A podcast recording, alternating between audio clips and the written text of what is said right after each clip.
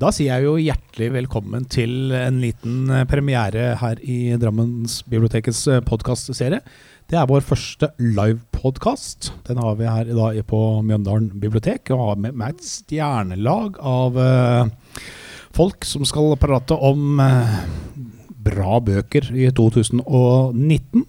Uh, ved min side så sitter jo Britt Kroken Tjenes, som er et vandrende leksikon, vil jeg, i hvert fall min personlige oppfattelse av uh, damen når det gjelder uh, bøker. Jeg, vi kan nevne de mest obskure handlinger eller titler eller forfatter, og så har hun da selvfølgelig alltid vært borti det. Det er eh, Ved hennes side igjen, Stig Elvis Furseth fra fylkesbiblioteket. Eh, foreløpig Buskerud fylkesbibliotek, men det heter vel Viken snart. Blir snart Viken. Det er Full fart.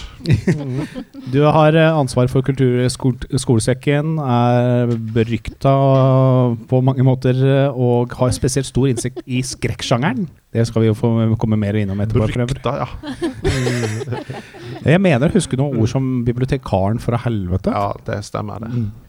Mm. og 'ekspert på ungdomslitteratur'. Så bare så er vi konge på det. Og så har vi Inger Bergan Mortensen Hei, hei. fra Mjøndalen bibliotek. Har jobbet på Drammen. Eh, I ti år. Det er såpass, ja.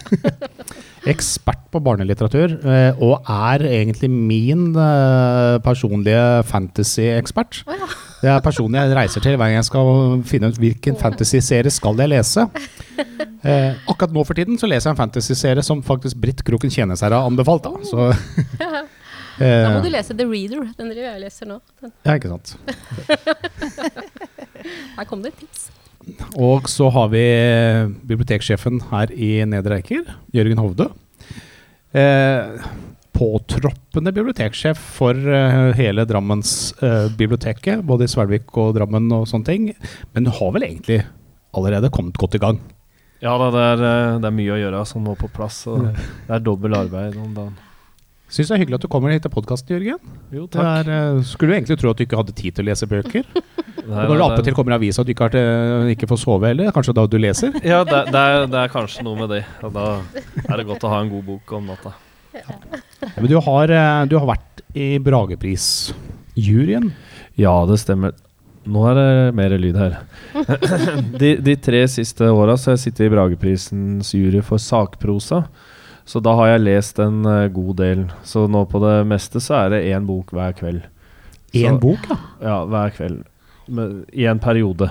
Så, men det er jo litt annerledes når man leser eh, etter kriterier. Men eh, i hvert fall så da blir man Da går det unna, og så hekter man dem gjerne opp imot kriteriene, og så ser man da om det er gode bøker eller ikke. Ut ifra de kriteriene som da Brageprisen har sagt at vi skal bedømme ut ifra.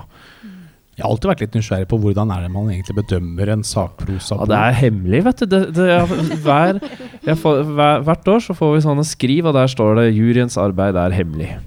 Så det er uh, hemmelig. Men, uh, men vi, vi har noen møter, og vi prater, og det er gjerne sjokolade og kaffe og greier, da. Så det, vi kommer oss gjennom det. Ja. Ja. Er, er biografier en del av det? For jeg elsker jo selvfølgelig bandbiografier, da. Ja, ja fordi altså, i hvert fall eh, på Brageprisen sakprosa så er det jo sånn at forlagene Det er det vel på alle Brageprisen. Forlagene melder på de bøkene de sjøl mener er gode, og så sitter man der med en uh, stor bunke. Nå i år så tror jeg vi var oppe i 68 bøker eller noe sånt nå, i løpet av en tre-fire måneder. Så forlagene melder på, og så leser vi og nominerer fire.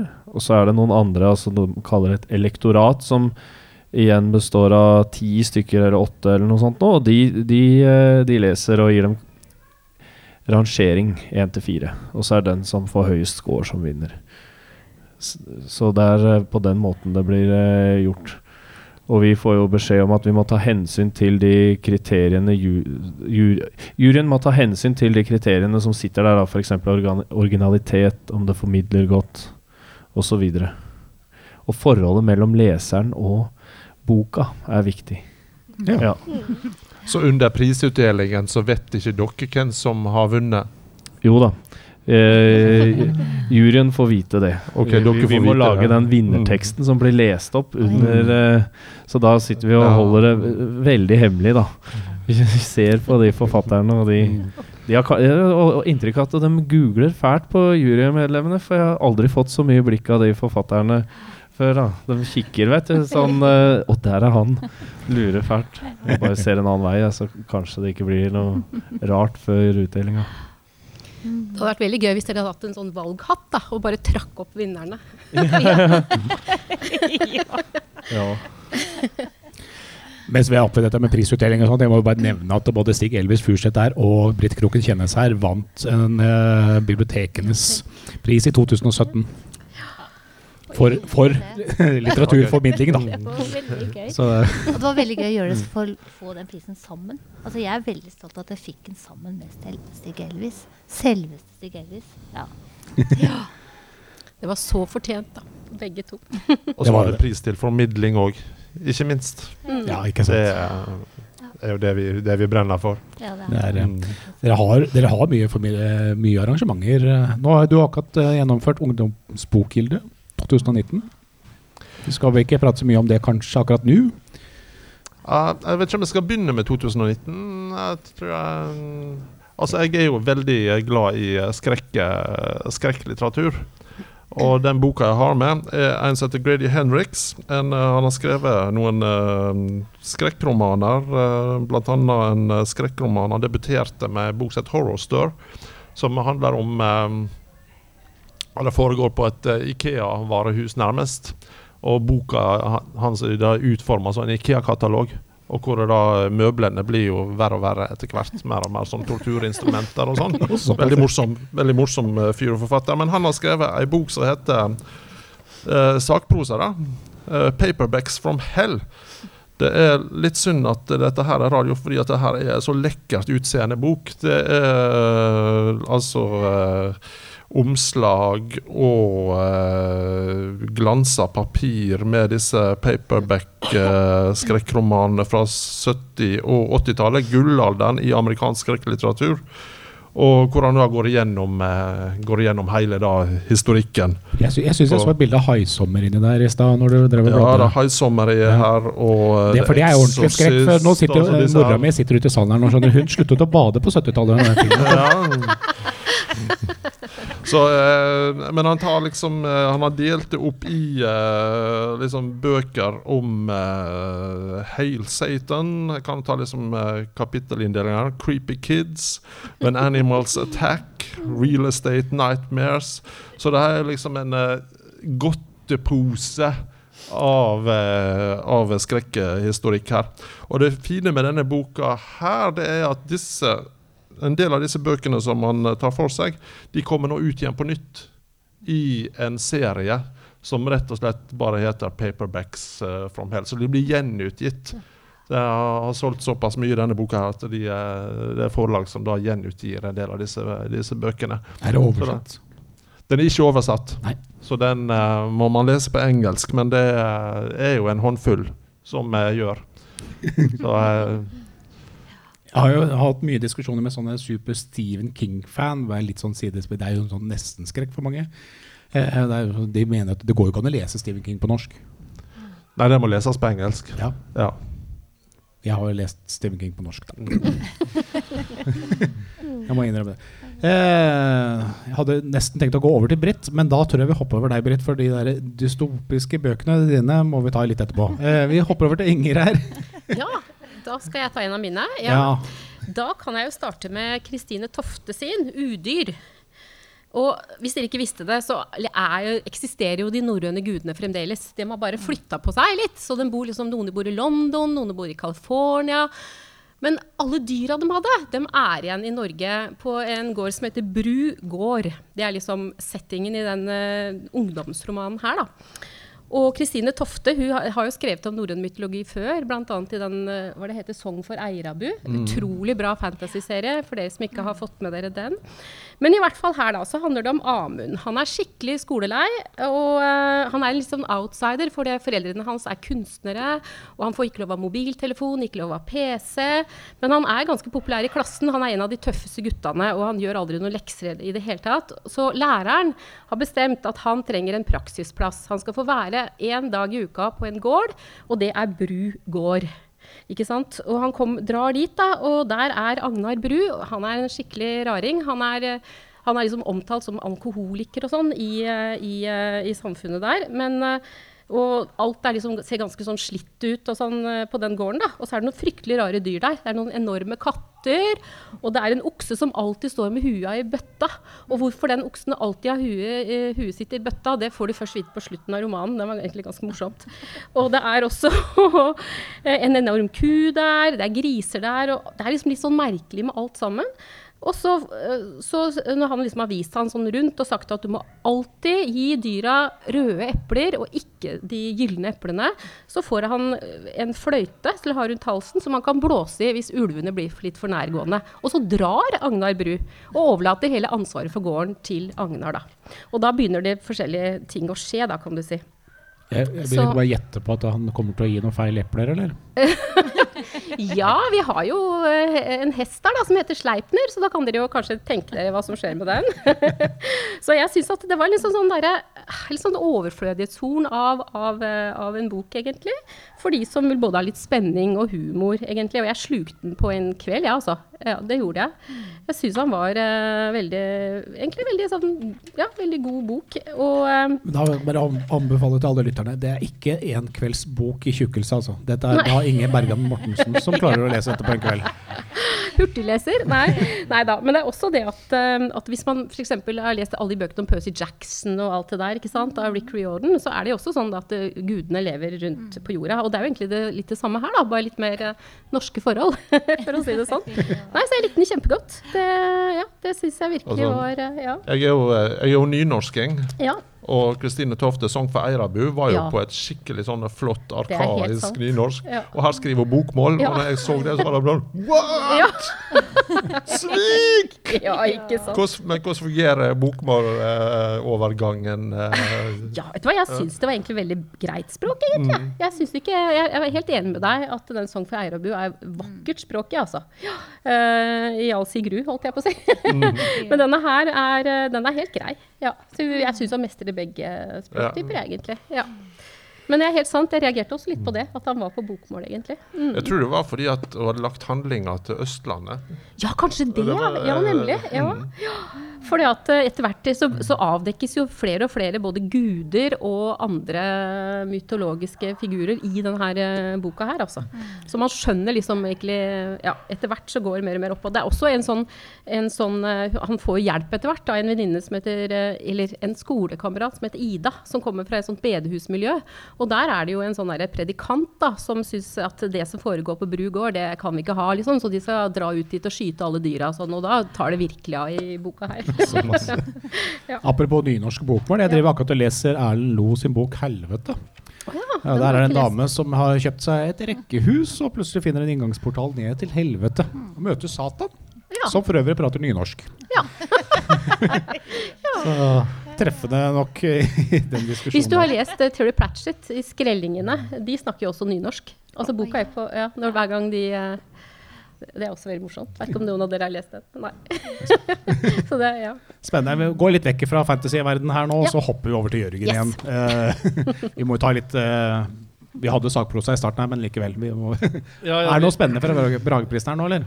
Ja, nei, altså Nå er det en uh, ikke-Brageprisen. Ja. Så, Ja. så her kommer eh, altså Anders Libe Delseth. Han skrev eh, en bok nå som het 'Kjøkkenveien'. Det er sakprosa.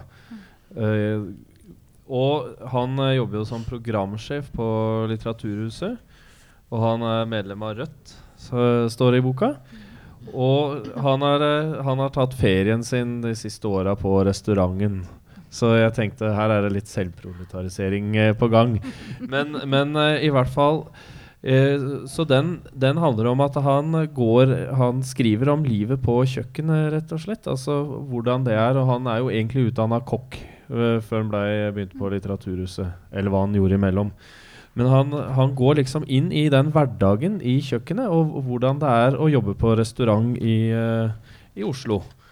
Og man eh, blant annet, altså, Selv om det er mye kokkelering, det, det, skrives mye om det, så skrives det også mye om alt det rundt det. Altså Noe av styrken er jo det at han kan liksom gå inn i enkeltmenneskenes liv og stille spørsmål. og liksom, Hvordan er det å jobbe på restaurant? Og så tar han f.eks. det med fremmedarbeidere eller de som arbeidsinnvandrere som gjerne jobber på restaurantene. Hvordan er hverdagen dem? Det er litt sånn fagforeningsprat og diskusjon òg, f.eks. Og i tillegg til det så må du regne med å bli litt sulten. Jeg ble i hvert fall det. er det noen oppskrifter og sånn der òg, eller? Mm? Er det noen oppskrifter og sånn? Ja, ja, sånn innimellom. Det er ikke noe oppskriftsliste. Men Nei. det er mer sånn nei, nå står vi og lager det og det, og da er det viktig å passe på det. Og så sier han et eller annet, og vi begynner å prate om ditt og datt. Og hva, hva står man og prater om når man gjør sånne rutinejobber, da? Eller de tinga man gjør dagen før, før uh, en stor bordsetning, og hvordan man forbereder restauranten for de forskjellige tinga. Der går den i detalj. Også utstyr. Og jeg lærte i hvert fall én ting, og det var det at en uh, termomikser det er, uh, det er, veldig viktig på et stort og respektabelt kjøkken. Jeg visste ikke hva det var engang. Ja, hva er det egentlig? Ja, det, det, er en mikser som varmer samtidig som man mikser. Derav navnet termomikser. Der har vi et julegavetips. Ja. ja, ja, ja, ja. Uh, og, men i hvert fall, så den boka er interessant, og det er, men det er de direksjonen og den der muligheten til å gå inn i hverdagen til forskjellige mennesker som jobber på kjøkkenet. Ikke sant? Hva, når både mann og kone er kokk, og de har, får en datter, hva skjer da? Ikke sant? Hvordan klarer man den hverdagen? Og det er de tinga der. Og det, det, er veldig spennende. Og, og er man litt glad i mat og kjøkken også, så tenker jeg den boka her, den er verdt å lese. Mm. Spennende. Jeg har lyst til å lese. jeg klager aldri på maten eh, på restaurant. Eh, kommer han inn på det? Liksom Få maten i retur og sånn, og så har han egentlig gjort ting helt greit. Og så hva mener det gjesten? Er ikke det den maten spiser han? De, de, sier litt om gjesten òg, ja. ja. ja, ja, ja. Og så er det jo en Veit at det må skille mellom servitører og kokker. Det er liksom to sånn. forskjellige ranger her, har jeg også mm. lært, da. Ja, ja. det er veldig sjelden han tør å klage på maten. Jeg sier alltid ja, 'Hvordan smakte det?' 'Ja, kjempegodt.' Ja. Og så sier jeg liksom, ja. så godt, liksom. Jeg tør liksom ikke å si det. Nei, for da veit du jo ikke hva som er i den maten du får etterpå. Nei, ikke sant? Ja, ja, ja det sånn tenker jeg også. Ja, vi både spytter og tisser. Ja. Nei, ja, Det står ikke noe om det i denne boka, men, eh, men hvem veit. Eh, han har jo sikkert ikke tatt med alt han opplevde disse månedene han hadde ferie på restauranten. Nei.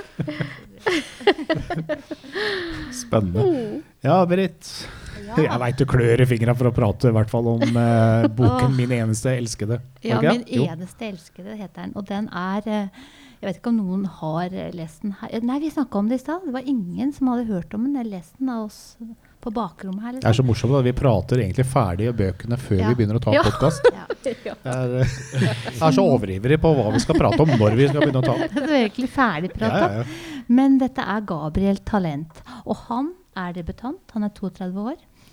Og han, altså han, kommer fra California og skriver fra California. Og dette er ei bok om ei 14 år gammel jente som heter Julia, men det kaller hun for Turtle.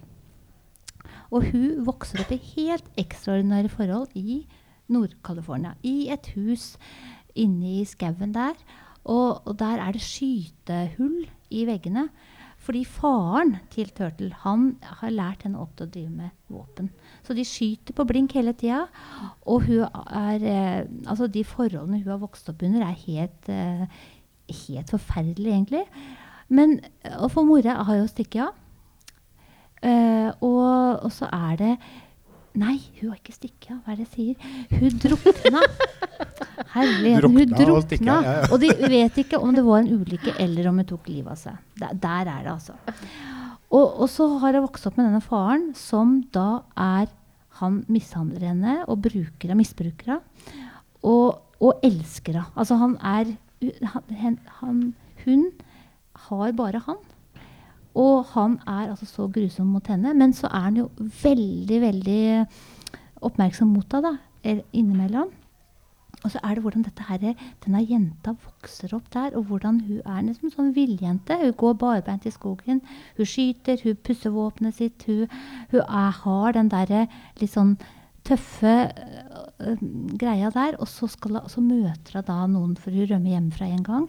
Så møter hun et par gutter. Og så forelsker hun seg veldig i han ene. Men det kan jo ikke faren vite om. For hun, altså hun, er livredd for hva faren kan gjøre hvis han skjønner at hun liker noen andre bedre enn han.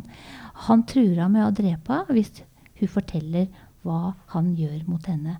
Faren, altså. Dette her er så grusomt. Og det som er så altså, Det høres ut som en forferdelig mørk bok, da. Det er veldig mørk, men den er så Dette her høres så rart ut. Den er skrevet så Altså, han skriver fantastisk, rett og slett. Og da sånn at det, eh, dette grusomme livet er jo noe hun da prøver på alle måter å være i. Men, men når hun møter verden utenfor og ser at hun kanskje kan leve annerledes, men ikke klarer å komme ut av det, så er det da det herre det er et drama som skjer her, som jeg ikke skal altså Folk må få lese denne boka altså uten at jeg røper hvordan det går. Men, um, men jeg slutta Når jeg hadde var ferdig, så avslutta jeg. Var helt skjelven. Og så er det hvordan han skriver naturskildringene. Det er helt unike. Altså. Det er helt, han kan jo masse om natur. Og de menneskene han beskriver, og de forholdene da, og alle de der følelsene. Så det er grusomt og vakkert på samme tid. Det er litt sånn Cormac McCarthy. Vet jeg du liker? Ja, det er litt sånn. Og så er det litt Sara Strisberg, som jeg også har, eh, er veldig veldig glad i. Og litt, litt sånn han eh, Karl Johan Valgren en veldig god miks av de her, altså. Mm. Jeg, jeg, kan snakke og snakke om den boka, men uh, Ja, du lovte å begrense deg når du ja. den boken. Ja. Og så er han debutant òg, var det det du sa? han sa? Er debutant. Ja, så, så han er 32 år, og han skriver som en gud. Ja, oi, Så da kan vi bare glede oss da, mm. til uh, enda mer. da håper jeg du har noe mer lyst til, Stig Elves. Hva sa du, Bert? Jeg håper du har noe mer lyst til.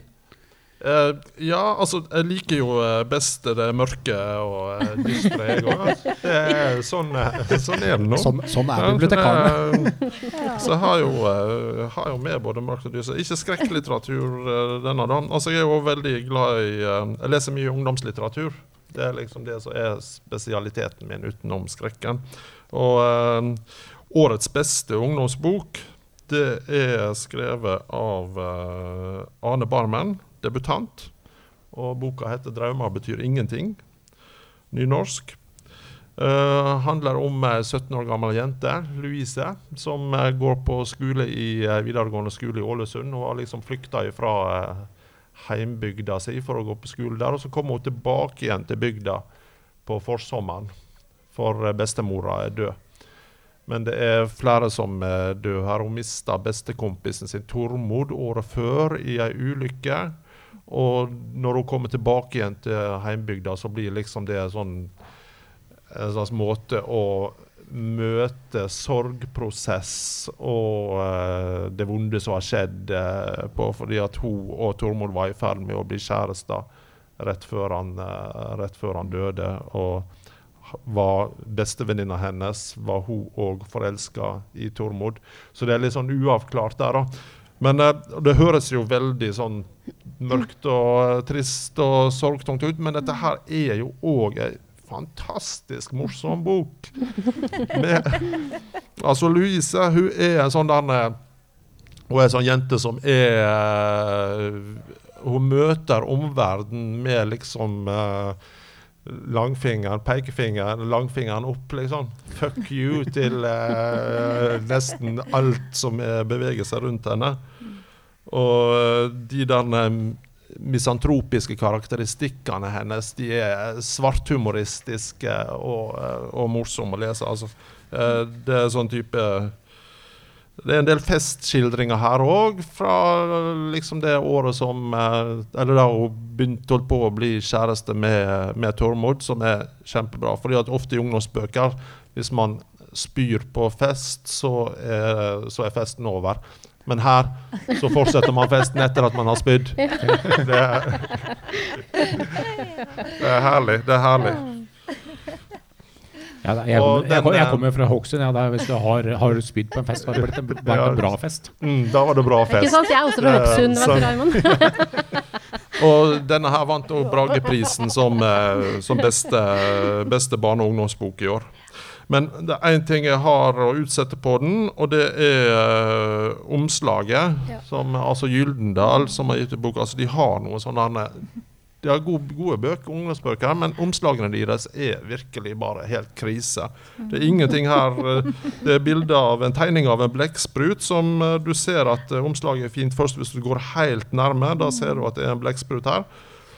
Eh, men ellers er jo fargene Det er liksom sånn grønn eh, toner. Det er ingenting som liksom tilsier sier, til de som eh, går langs hyllene på biblioteket at 'Kom og les meg! Kom og les meg!' 'Jeg er den kuleste boka du møter i år.' Det er ingenting som signaliserer det. Jeg, jeg, skal, Og jeg, det er- jeg ser jo boka nå på en meters Ja. avstand, og jeg vil kanskje anbefalt den til ei dame på rundt 60. Ja, sant? Det ser ut som en Det ser ut som en diktsamling, ja. Mm.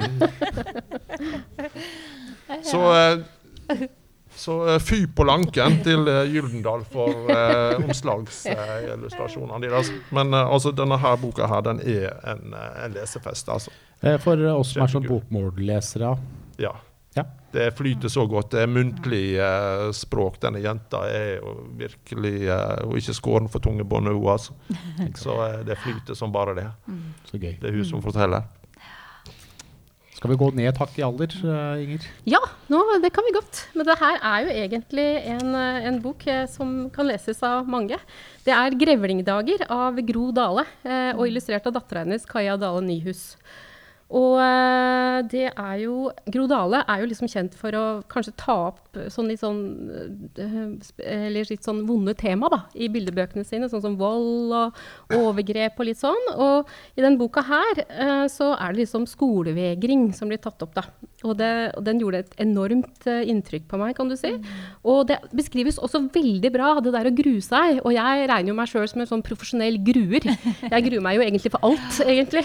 Det, det er det en mulighet for å grue seg, så gruer jeg meg. Og du Og som den- har, du som har så- sceneopptreden nesten Ja, Ja, nesten, jeg gruer meg da også hver eneste Eventyrsund. Ja. Hver eneste uke. Ja, ja, og vi synger eh, holdt på å si hokus og pokus, og, ja, og, så, og så liksom går det av seg sjøl, for da blir du liksom dratt med, da.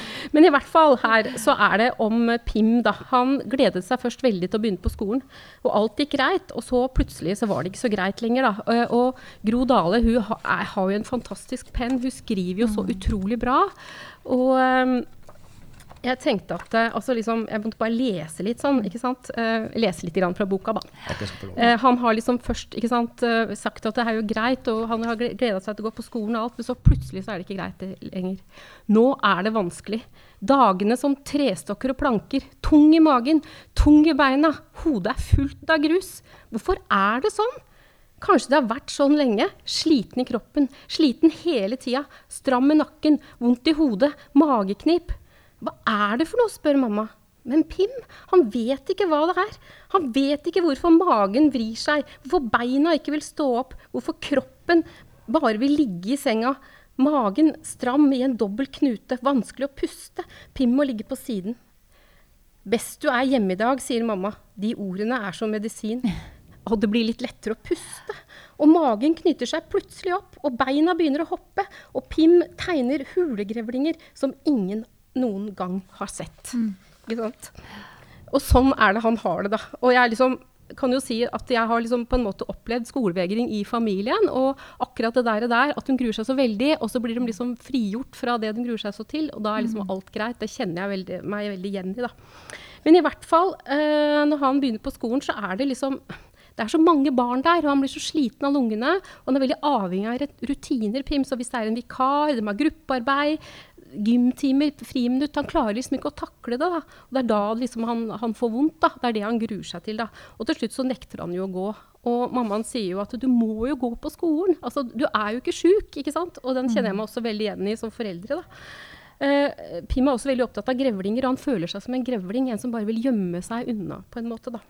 og de går jo til legen, ikke sant. Og, og, legen spør liksom er det noe du gruer deg til, eller er det noe du Og han klarer liksom ikke si det til legen.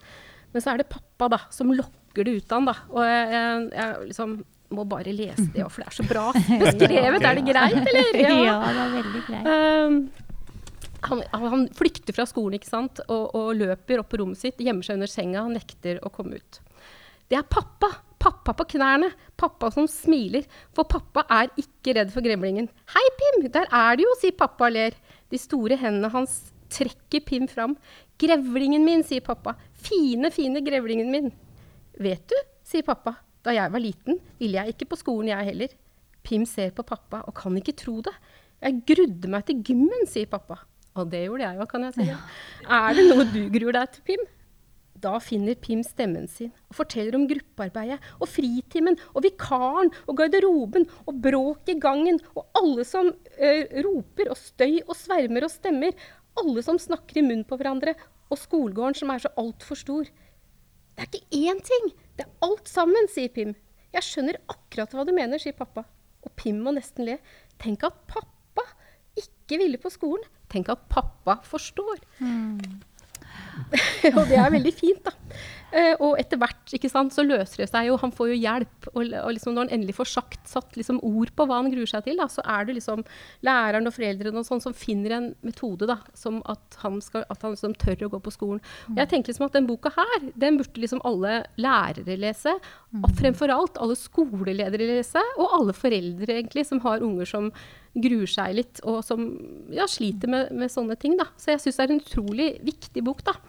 Og det som var litt fint Nå skal jeg slø, ikke lese. Det, var nesten som en billedbok, men du, det er egentlig alle voksne du anbefaler? Ja, jeg syns egentlig det. Jeg synes egentlig den kan Og det som er, ikke sant, nå, Pim kommer jo tilbake på skolen igjen, og han trives mer og mer og sånn, da. Men så står det her Men av og til når det låser seg, når det er for mye, for mange mennesker, for mange munner, når pusten ikke klarer å puste rolig, og knipet begynner å stramme seg, i gymsalen kanskje, eller i gangen, når det er idrettsdag, fritime eller vikar, da får Pim lov til å gå, Pim lov til å gå på biblioteket. Ja. Biblioteket er som et grevlinghi. En hule med bøker og gjemmesteder. Bokhyllene står der som gode venner, og bøkene venter med hemmelighetene sine. Det er ikke bare Pim som trenger en grevlingpause. Det er flere som trenger å komme ifra, og det er trygt å være stille sammen. Rolig og bla i bøker, vise hverandre ting, hviske sammen, kanskje smile. Det er fint på mange slags grevlinger. Mm, å, så fint. ja, jeg syns det var så fint. Ja, det er det. Jeg syns det er fantastisk bra skrevet. Så viktig det er med biblioteket. Det er det. Og jeg tenker liksom det der, også de tegningene til Kaja Dahl Nyhus, de er liksom så, jeg syns de var veldig bra, de òg. Liksom. For at når han er glad i begynnelsen, så er det liksom så lyst, og så blir det mørkere etter hvert. Så det, er liksom, det passer veldig bra til teksten, da, som vi ofte sier i sånne sammenhenger. Men det gjør faktisk det et bra samspill. så det er en veldig viktig bok eh, for alle, egentlig. Mm. Ja. Nå har vi vært innom mange mørke bøker nå. Ja. Eh, Jørgen, nå håper jeg inderlig at du har en gladbok. Nå kommer en festbok. ja, nå, nå, kommer en festbok. Eh, altså, du var jo inn på det med biografier i stad, at ja. du likte det. Og, og, det blir jo meldt på en del eh, bøker eh, også som er biografier. Og her er jo Altså, årets Brageprisvinner er uh, Torgrim Eggen 'Aksel fra smokken til oven'-storyen om Aksel Jensen. Mm. Og det, det, er en uh, kjempebiografi som uh, går rett inn i, i Aksel Jensens liv. Og det er jo litt sånn interessant når man mm. leser disse biografiene, fordi er det, er det den man leser om, som gjør at boka er så spennende, eller er det måten det livet mm. er skrevet på som gjør boka spennende? Og, jeg, og, jeg, opplever noen ganger at jeg blir litt sånn tatt i at Å ja, her er, det, her er det personen som er spennende, og nødvendigvis ikke at den er skrevet så innmari godt. Men den boka her, den er også skrevet veldig godt. Det er et mm. spennende liv som er formidla på en knallgod måte. Og en av styrkene til bøkene er jo hvor tilgjengelig Torgrim Eggen gjør Aksel Jensen. og og det, og han har jobba i mange mange år med å samle kildemateriale. Uh, så den boka, den, uh, i den juryskildringa så står det altså når partyet er over og boka er lest, våkner man opp fra et eventyrlig liv og et fatterskap som ikke har gått ut på dato. En festopplevelse uten bakrus. For å komme litt inn i den, uh, den, den der. Og det her, det henger jo sammen med ikke sant, at Aksel Jensen han var jo en uh, rusmisbruker, og, og, boka er jo også like mye en, uh, en biografi om norsk dopkultur blant uh, kultur, kulturen. Altså kulturfolk, rett og slett. ikke sant? Han, han var jo en veldig nær f.eks. han maleren Pushwanger. ikke sant? Altså I Pushwanger-biografien så blir jo Aksel Jensen framstilt som den store, stygge ulven som gir, uh, gir Pushwanger LSD. Ikke sant? Men, og det er jo litt sånn, for det er mye rus hele veien, og det er trekantdrama, og det er uh, det er, det er dop, og det er sex, og det er, det er alt, man, alt, man, ser for seg. Mm. Og veit jo også at, at, en av disse damene Aksel Jensen hadde, hun, hun stakk jo av med Leonard Cohen, mm. f.eks. Altså, det, er, det er litt av et liv. Og Aksel Jensen gifter seg med en indisk dame. og bor i India en periode. og man, man, får liksom innblikk i et veldig spennende liv til en produktiv mann som har skrevet flere veldig gode bøker. Mm. Og har, um, og man, men det er jo også måten det skrives på. Altså Man blir dratt inn i det, og den er stor og god. Ikke sant? Altså det, det er ikke Som bare en kveld, det. Ja. ja, ja, ja, men man, man, man er, det er en page-turner, uh, rett og slett. Nå. Og det ligger i i, eh, i, hvordan han framstiller det. Og det er f.eks. en historie er jo det at Aksel Jensen får besøk av en journalist så, som skal intervjue ham til en eller annen avis. Og så spør han, sånn, eh, finner han fram en konvolutt i skuffen. Og så sier, sier uh, Aksel Jensen her har jeg fått tilsendt, og så er det et eller annet dop, et psyko, psykedelisk dop uh, fra Brasil han hadde fått tilsendt av noen. Så spurte han veit du åssen man tilbereder det her. Og så sier han journalisten nei, kanskje du må koke te på det. Ja, Da går han og koker te på det, og så sitter han og drikker under, under intervjuet. Og, altså, så Det er en, en speisa reise òg, da. Og, og, det å, å, finne disse historiene da, som Aksel Jensen har gjort, og går inn i detalj og har jobba med folk mm. som har uh, vært rundt og sett i kildematerialet, det gjør at boka er troverdig. Så, det, det, det, tror jeg virker på. Jeg har lest det. Jeg elsker jo jeg, Lemmy fra Motorhead. Så tenkte jeg åh, biografien med han må være kjempespennende, så jeg leste en bok som het White Line Fever. Det er det kjedeligste jeg noen gang har lest og prøvd å slite meg gjennom. Og der snakker vi også med et menneske som var, til å ha levd et spennende liv. Da. Så det er, det er, godt når biografien er godt skrevet. Ja, ja, ja det er jo viktig. Fikk du lyst til å lese Aksel Jensen om igjen? Uh, når du, når du, leser denne boka? Ja, ja, ja, ja litt. Eller også særlig kanskje å lese de bøkene jeg ikke har lest. da mm. Ikke sant? For Ikaros har jeg jo mm. Ja, og Line og, ja, ja. Og det, men ja, nei, jeg fikk lyst til å fylle mm. på med resten. Det gjorde jeg altså. Mm. Ja. Og veit jo noen av de bøkene. Epp, f.eks., den tror jeg skriver under konstant psykedelisk rus. Altså han, ja. Eh, han, var på tur hele veien mens han skrev det. Ja. Står i boka i hvert fall, da. Om ikke, altså i hvert fall hver dag under skrivinga. Ja. Det er eh, ganske sprøtt å tenke. Kan kanskje gi noen forklaringer på noen av bøkene kanskje? Ja, ja. ja. Vi, vi, har holdt på ganske lenge. altså. Vi nærmer oss slutten. Eh, jeg veit dere har mange bøker og dere har lyst til å formidle. Får, det blir mange podkaster utover i 2020, altså. Så for all del. Britt, du har enda mer mørke Jeg har enda Skulle tro at du var et veldig mørk person. Ja. Uh, det kan jeg jo skrive på, og det er du ikke. Nei, takk. Nei, altså jeg er nok ikke det, men inni meg så har jeg nok en hang til det tragiske lurer på det. fordi at uh, jeg elsker sånne bøker som er men det er, ikke, men, men det er, noe med de bøkene her som jeg har valgt nå. Så er de grusomme og vakre. Den der koblinga som er så genial. Og Sara Stitzberg, som jeg er veldig glad i. Bekkomberga, hvor hun skrev et sinns, om et sinnssykehus. Og om farens liv der, da. Den gjorde veldig inntrykk på meg. Og nå har hun skrevet da 'Kjærlighetens Antarktis'. Og der handler det om Inni, som er rusmisbruker, og det begynner med at hun blir drept og partert. Og så er det skrevet på en sånn utrolig måte. Det er eh, hun Inni, hun som da blir drept, hun forteller om sin egen død. Hun blir fortelleren og ser dette her utenfra, da, eller fra sin døde posisjon. Og det er et genialt fortellergrep, syns jeg. Og da Nå har jeg feil eh, Feil huskelapp? ja. Men det jeg husker jo Jeg har jo lest uh, denne og husker den godt, egentlig. Men så jeg ikke skal glemme det viktigste, da, så må jeg ha denne her. Fordi det er nesten uh, livet til Inni, den uh, prostituerte. Det er altså så tragisk.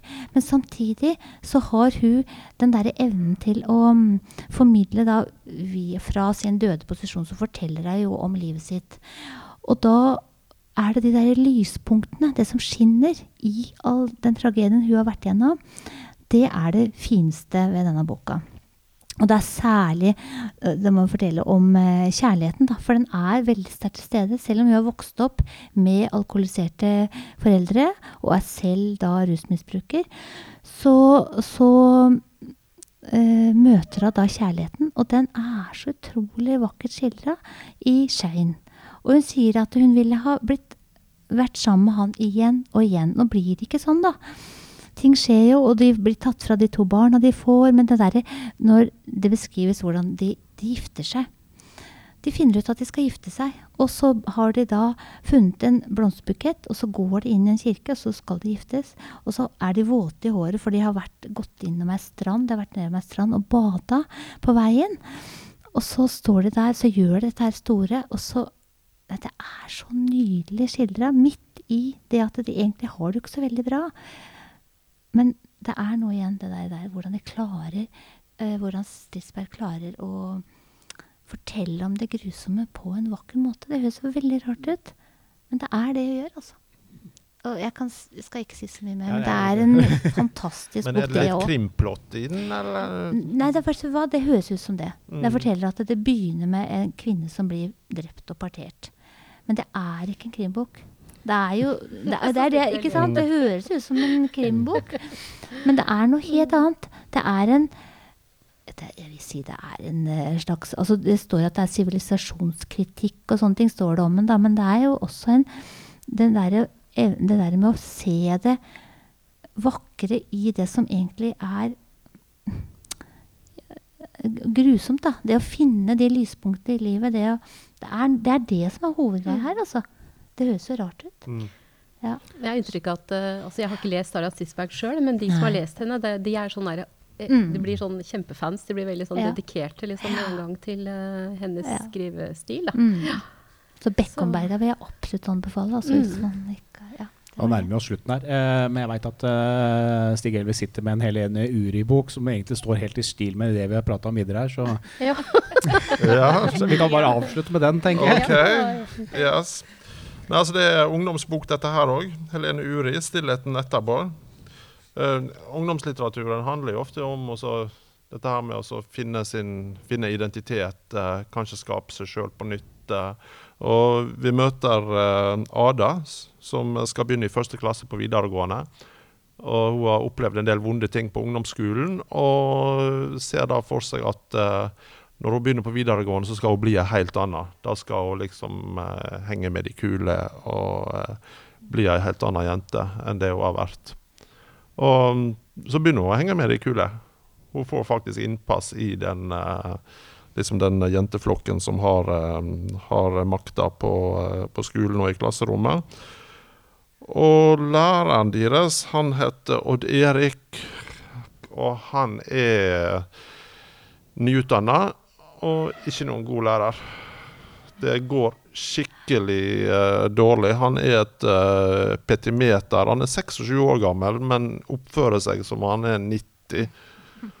Og tror sjøl at han er veldig Skal liksom bli venn med elevene og være den kule, liksom, og sånt. Men det går jo fullstendig galt. Og til slutt så utvikler det seg til en, en metoo-situasjon, da. Altså hvor uh, Odd Erik blir tatt bilde av sammen med en venninne av Ada. Og uh, ser ut som metoo, uh, at han uh, liksom sikler på jenta. Men han gjør jo egentlig ikke det. Men Ada vet at det fotografiet der, det viser ikke den reelle situasjonen. Men hun sier ikke fra, da. Så, og den der lojaliteten skal du forholde Skal du si sannheten, eller skal du risikere da å bli kasta ut av den kule flokken? Eller skal du da være med de kule fordi at Odd Erik er en sånn dårlig lærer allikevel? Og det ender skikkelig, skikkelig, skikkelig dårlig. Men uh, veld, veldig, spennende, veldig spennende å lese. Men igjen et omslag som ikke ligner det er jo ikke sånn grønn-beige-aktig. Jeg er veldig dårlig på farger, altså. Men uh, ja. nå, ikke, nå, tør jeg ikke å komme med noe alders... Sier ingenting om hvilken bok dette her er. Gyldendal igjen. Ja, Mm. Det er, eh, Mm. Er det prikker? Ja, det så, ser litt sånn prikkete ut. Ja, det er noe sånn prikker og to, ans, to, ans, to hoder i profil. Eh, For, for damer i 50-åra, tenker jeg. ja. Men det er, det er ikke det. Ja. Det er uh... Men han, hvis jeg kan være litt kritisk til boka, og da, altså, jeg syns jo han den måten som Helene Uri tegner han læreren på, det, det blir kanskje veldig sånn karikert. Altså Han er så petimeter at det blir kanskje litt for mye. Og jeg tror at vi hadde fått mer sympati med han det som skjer til slutt, og det hadde virka sterkere hvis han hadde vært en mer normal lærer, som da dette her hadde gått utover. ja. Nå er det liksom noen for nesten som fortjent. Ja, ja. Bare nesten. Sånn er amerikansk Hollywood-ungdomsfilm, kanskje. Ja. Kjempeflott. Dette her ble jo kanskje tidenes lengste podkast for 2019 i hvert fall. Og det er jo det eneste året vi har holdt på også. Spennende. Si tusen takk til Stig Elvis Furseth, Jørgen Hovde og Inge Berga Mortensen og Britt Kroken Kjennes. Mitt navn det er Raymond Smith.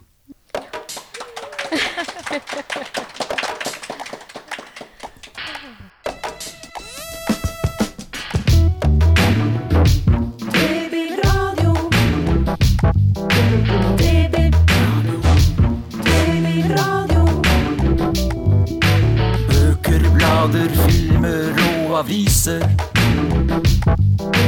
Bilder, data, spill, musikk og nett.